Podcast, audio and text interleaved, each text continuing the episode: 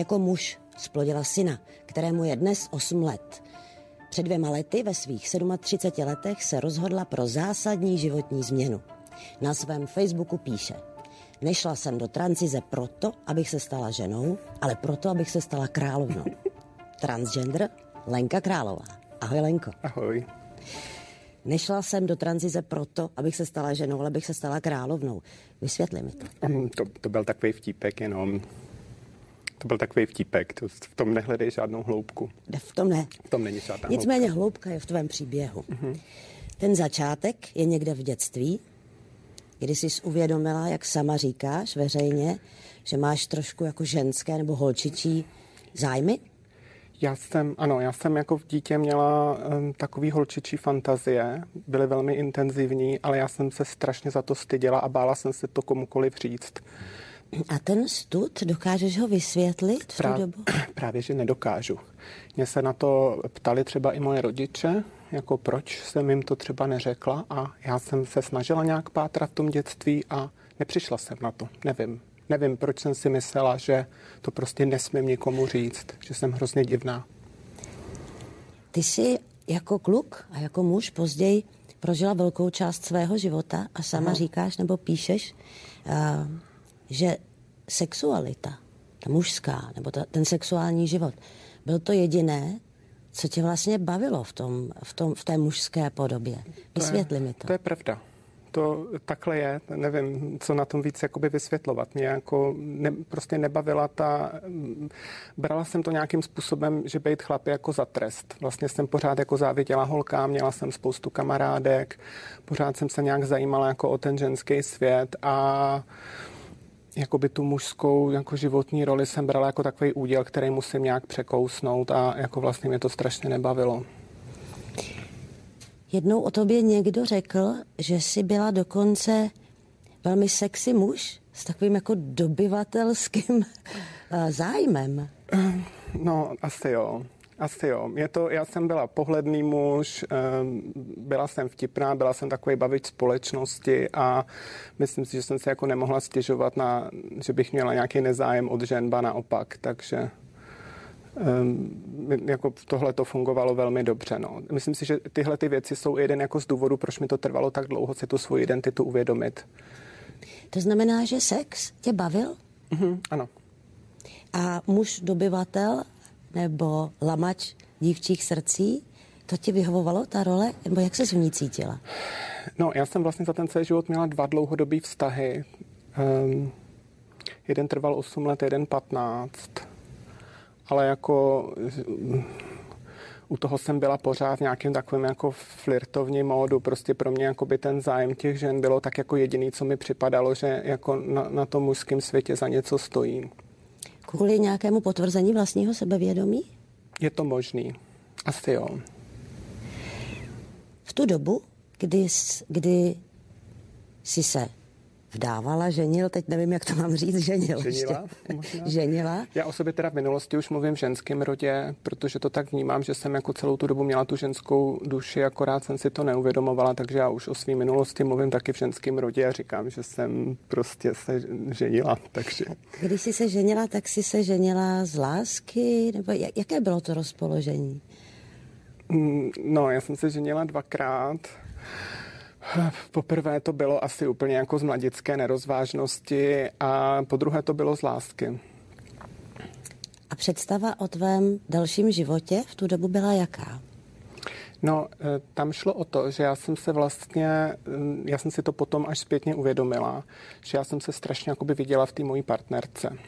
Jo, že já jsem měla tu svoji partnerku jako takovou řekněme, v uvozovkách, ano, ano, přesně tak, jako projekční plátno, že já jsem se v ní jakoby viděla, že já jsem jako skrze ní byla šťastná. Nebyla jsem já šťastná sama se sebou, sama jsem se jako neměla ráda, ale jakoby tu energii jsem jako věnovala té partnerce. Takže ono to vypadalo jakoby zvenku, to vypadalo, že jsem strašně ideální chlap, protože byla taková jako pozorná, jako bavilo mě s partnerkou chodit nakupovat a tak, ale jakoby ta realita uvnitř toho vztahu byla vlastně jako trošku jiná, tak jako ideální to nebylo, protože uh, když třeba ta partnerka úplně jako se třeba nevyfintila podle mých představ, tak jsem byla nerudná z toho a tak, jo, byly tam takovýhle a k tomu jsem měla často výbuchy v steku. Když si to zpětně jako zanalizuju, tak asi to bylo z nějaký takový podvědomý závisti, že jsem si říkala, ty, ty máš takovýhle super život a já tady jako ti vlastně jako dělám,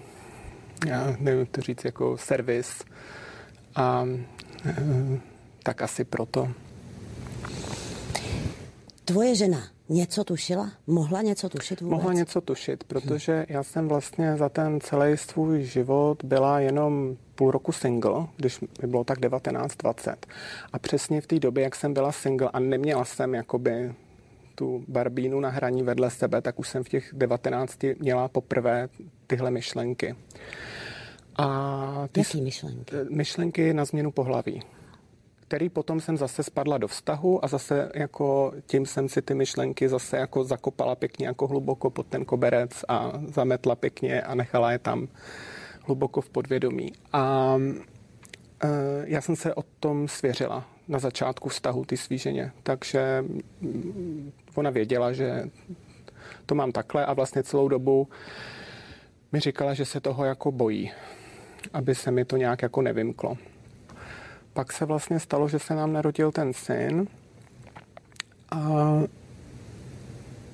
e, nám se stalo, že po nějakou dobu, řekněme tak třeba rok, dva, po tom narození toho syna na ten náš vztah tak jako ochladl, ochladl. Prostě byla tam taková krize, co se jako asi ve spoustě rodinách stává. A ono tím, jak ten vztah ochladl, tak já jsem najednou ztratila ten svůj smysl života, protože pro mě byl ten můj smysl života ona.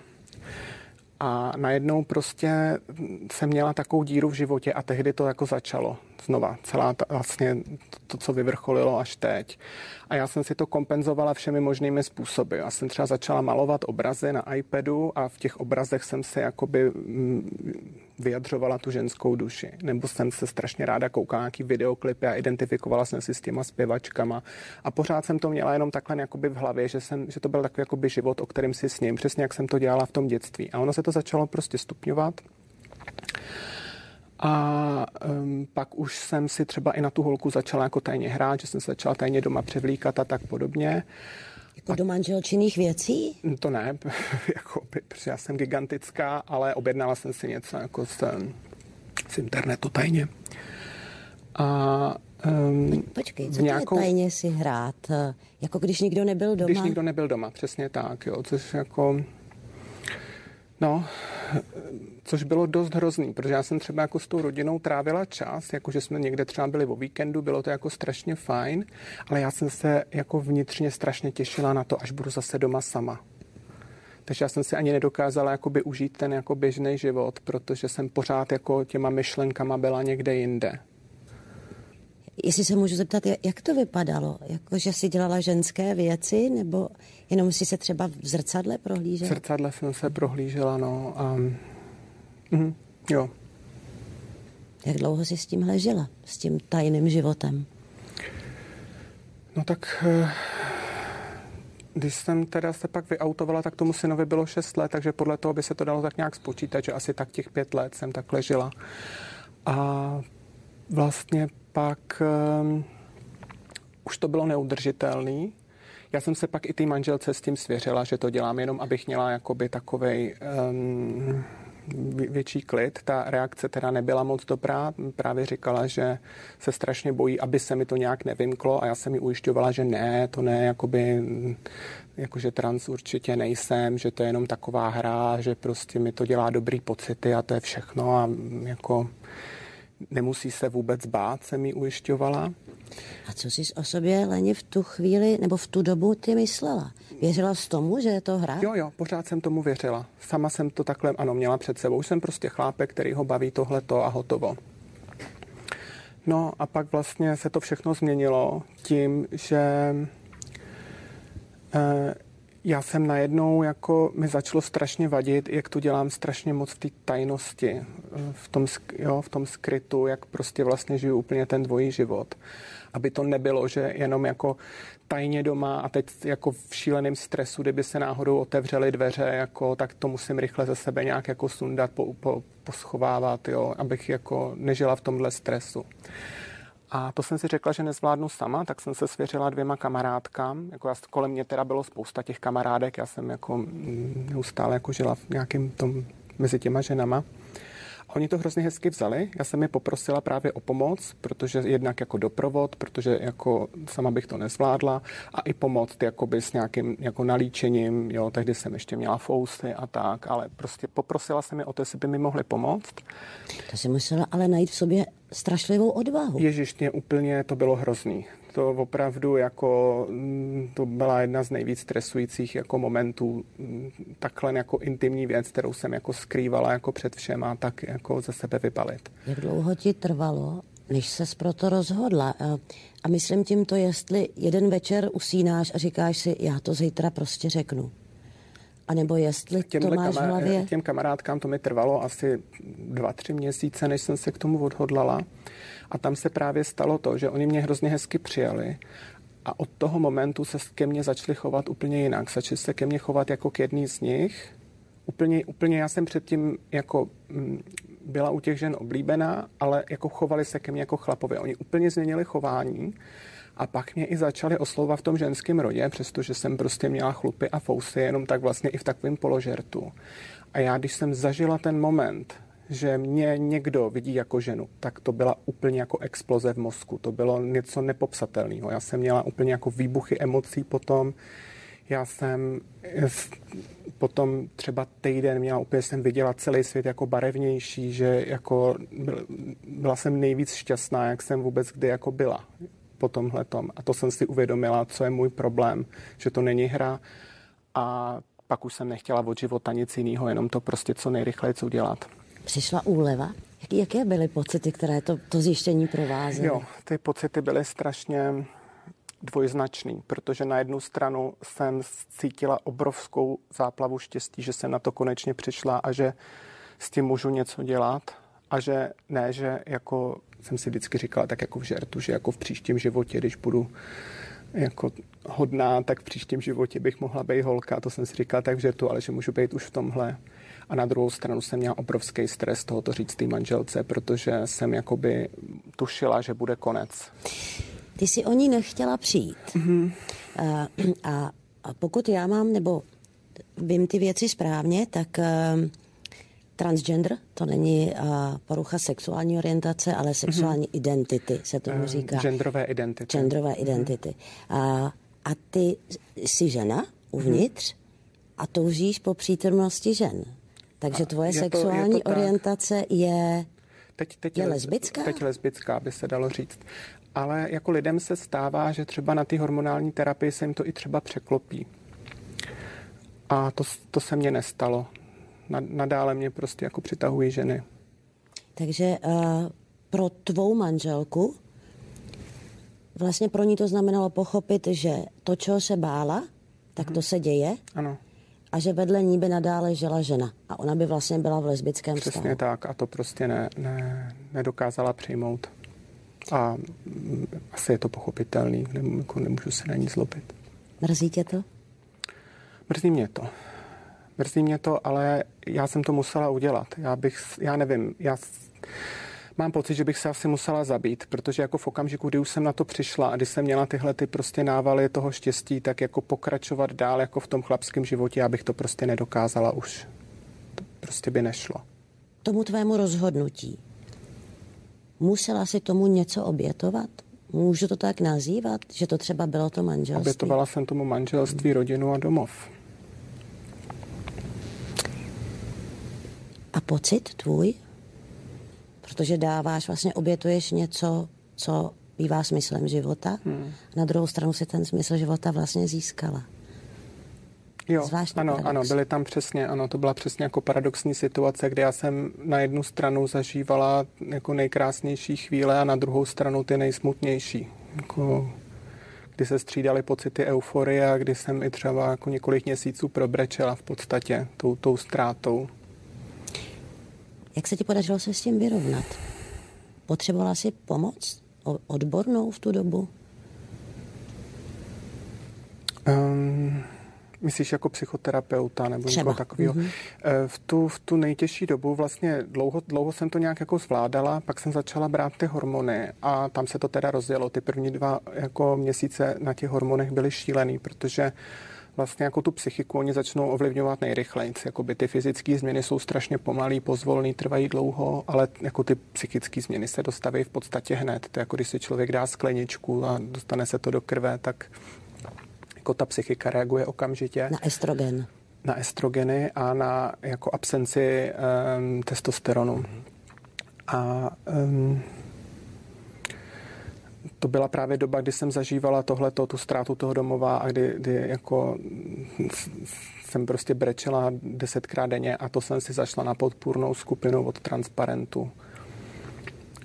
A kde jsem poprvé vlastně poznala jiný trans lidi a do té doby jsem o tom jenom tak jako četla, koukala se na YouTube, ale neznala jsem nikoho osobně, až jakoby takhle ty dva měsíce po těch hormonech jsem si teprve začala tu podpůrnou skupinu a to mi hrozně pomohlo. To, co estrogen dokáže, říkají transgender lidé, že je zázrak. Mm-hmm. Tak co se s tebou vlastně děje? Jak, se mění tělo? Je to teda jako kombinace, je to, um, to jednak estrogen, jednak blokátor testosteronu. Jako ten testosteron ještě jako silnější hormon, takže ta jeho absence taky jako spoustu věcí udělá. Uh, jsou tam ty psychické věci, uh, tam hlavně člověk se stane emočnější a zmizí ze života taková jako agrese. Jo? Já jsem si to třeba uvědomil třeba při řízení, jako kdy jsem jako daleko klidnější a někdo mi udělá myšku a mě to nenaštve a takhle. Jo? A pak jsou ty fyzické projevy. Ty fyzické projevy, ty jsou různý, změní hlavně to nejdůležitější, nebo pro mě nejdůležitější bylo, že to změní rozložení tuku v těle. A a hlavně v obličeji. Prostě změní to rysy v obličeji. Jo, prostě udělá to ty tvářičky, jako trošku ten jako tuk v tom, v tom obličeji, ale i ve zbytku těla se přeskládá. Neskutečně to vyhladí a omladí pleť. Ta úplně jako pleť je úplně jiná potom. E, změní to i vlasy. Může někomu a nemusí jako ustoupit třeba i pléš, ale vlasy se zahustí a trošku se změní jejich struktura Eh, přes, jako trošku se jako chlupy, z, z, oni se zjemní a trošku jako ustoupí, ale nezmizí jako úplně bohužel, takže i na chlupy to má vliv. A e, prsa narostou. Skutečně? Skutečně. Takže ty máš vlastní prsa? Mám malý.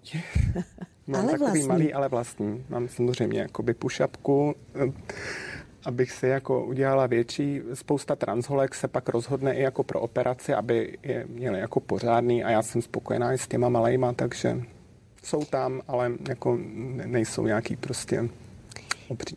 A ty patříš ke skupině transgender, která nechce podstoupit operaci, mm-hmm. ne, nechceš operačně změnit pohlaví. To jo. znamená, že ať máš prsa, asi žena, mm-hmm. tak máš ještě mužský pohlavní mm-hmm. orgán. A ten důvod, Lenko, je proč? Eh, já na to ráda odpovím, jenom bych tady řekla takovou vstupku, že my jsme se tady na tom domluvili, že se o tom budeme bavit a já si myslím, že je důležité se o tom bavit, ale jenom jako pro diváky, že není OK se trans lidí ptát na to, co mají mezi nohama. Mm-hmm. Jo, prostě není to taktní, běžných lidí se na to neptáte. Takže to bych chtěla jenom jako zdůraznit, že to to, že ty se na mě ptá, mě na to ptáš, že jsme se na tom domluvili a já jsem s tím souhlasila, ale jinak to není, není v pořádku takovéhle otázky jako trans lidem dávat. Uh, tak, jako těch důvodů jako celá řada. Já říkám, že jako kdyby ke mně přišla Arabela s kouzelným prstenem a kouzlem mi to tam dole změnila, tak budu, budu happy. Určitě. Ale já jsem nikdy v životě nebyla v nemocnici, já jsem neměla žádnou operaci, já jsem nikdy neměla ani nic zlomený, já jsem nikdy neměla žádný vážný jako zdravotní problém. Takže jedna věc je, že se toho opravdu jako bojím. Další věc je, že jsem se začala nějak pohybovat v té transkomunitě a jako slyšela jsem osobně historky, jak se to nepovedlo. A ono, když už jako slyšíte nějakou historku po pátý, po šestý, tak už jako, jo, si říkáš, ty jo, ono to fakt jako není sranda. Je to neskutečně jako náročná série operací. Já jsem, já jsem slyšela historky, že to způsobilo holce jako doživotní eh, inkontinenci, že se to zanítilo, že byla jiná zase prostě trávila roky v šílených jako bolestech, musela na kolik reoperací. E, jiná zase přišla úplně jako o sexuální citlivost, jo, je tam jako spousta těch věcí. A teď jde o to, jak moc má člověk dysforii jako s tím svým tělem. pro mě vlastně bylo strašně důležitý ten, ten obyčejný život. Jo, to je právě to, že to není vlastně sexuál, sexuální a sexuologický problém, přestože s tím chodíme k sexuologům, tak to je takový nějaký historický omyl. Je to prostě v hlavě. Je to prostě jako psychická záležitost. A mně šlo hlavně o to, jako žít ten běžný, normální, prostě ženský život. A to se vlastně povedlo. Já jsem začala brát ty hormony a zjistila jsem, že prostě cizí lidi kamkoliv, na, kamkoliv přijdu, tak mě oslovují jako paní a jako všichni známí a je to úplně v pohodě. A mám tam dole něco navíc, ale já jsem se s tím prostě smířila. Já jsem se s tím nějak jako naučila žít a nestojí mi to za tyhle ty rizika. Jo. Když si vlastně vezmeš, týden má něco přes 10 tisíc minut, a kolik jako minut z toho je důležitý, jako co máš mezi nohama. Jo, to je opravdu jenom, to jsou jenom intimní chvilky s partnerem a tam je to samozřejmě nějaká překážka v partnerském vztahu, že prostě to tělo je trošku jiný, než by člověk očekával, ale i to se dá překonat. Já jsem teď úplně čerstvě ve vztahu a fakt úplně čerstvě a ty mojí partnerce to nevadí. Jako je s tím v pohodě. Změnil se ti hlas? Ano. A ten se změnil tak, že ho trénuješ, a nebo je to taky vliv hormonální léčby? Um, jo, tady je taková bohužel genderová nespravedlivost, že transmuži, eh, co si vlastně píchají testosteron, tak jim se ten hlas udělá úplně automaticky sám, že zhrubne a zmužní.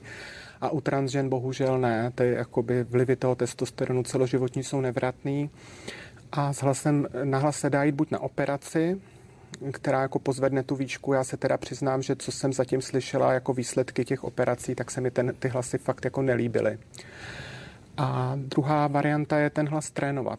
Já jsem začala, začínala podle nějakých amerických YouTubeů, návodů a pak jsem si zašla za hlasovou terapeutkou. Byla jsem u ní párkrát, ona mi jako poradila nějaké cvičení, ty jsem si potom dělala a ten hlas jsem takhle jako si upravila. A ono i tím, že tím hlasem vyšším potom budu díl mluvit, tak se i postupně i změní barva. Stane se ti třeba v nějakých emočně vypjatých situacích, že sklouzneš do té no ježiš, určitě. Mhm. Ale už jakoby nemám takový, nemám tolik těchto těch situací, ale jako občas se to stane. Mhm. A tvůj vztah se synem. Já vím, že říká, mhm. že je velmi dobrý, že to vzal skvěle. Jak se ti to povedlo? No, um, On mě má prostě rád a on mě teda oslovuje tati, to jsme se tak i domluvili jako s manželkou, aby neměl pocit, že jako přišel o tátu. Takže mě oslovuje tati, ale používá ženský rod. Říká prostě tati, viděla jsi tamhle to. Já jsem v jednu chvíli jsem si říkala, že by mi mohl říkat i Lenko, jako, protože vlastně potom na veřejnosti on mě okamžitě jako vyautuje prostě jedeme v tramvaji a on řekne, tati, viděla jsi tamhle to auto, tak prostě se všichni otočí. Ale já jsem potom přišla na to, že to je vlastně pro můj komfort a že jeho komfort je pro mě důležitější a že mi je vlastně úplně jedno, co si ty lidi okolo myslejí, takže on mě takhle oslovuje, ale používá ten ženský rod a má mě hrozně rád, trávíme spolu čas. A jako je to v pohodě. Ve škole ani taky nenarazil na žádný problémy. Eh, on chodí teda do eh, alternativní soukromé školy, kde to je všechno takový jako otevřený a free a jako já se tam kamarádím s těma pedagogama a s ostatníma rodičema a tam se to nějak oznámilo a všichni s tím taky byli v pohodě. Nikdo, nikdo mu tam za to nějak jako se neposmívá nebo tak. Tvoje budoucnost. Máš vizi budoucnosti nějakou, blízké či vzdálené? Um, jako úplně nemám, ale vlastně díky téhle, jako díky té tranzici mě nějak jako napadlo v jednu chvíli rozjet ten YouTubeový kanál a zjistila jsem, že mě to strašně baví před kamerou. Já se vlastně jinak jako živím jako softwarová vývojářka programováním, takže jako jenom sedím u počítače a něco tam prostě jako dělám. A teď mě to začalo strašně bavit před kamerou a uvidíme, kam mě to jako dostane. Tak já tě, Lenko, přeju, ať ta radost ze života vydrží. Děkuju. Hodně štěstí a ať se daří. Děkuju moc. Já děkuju.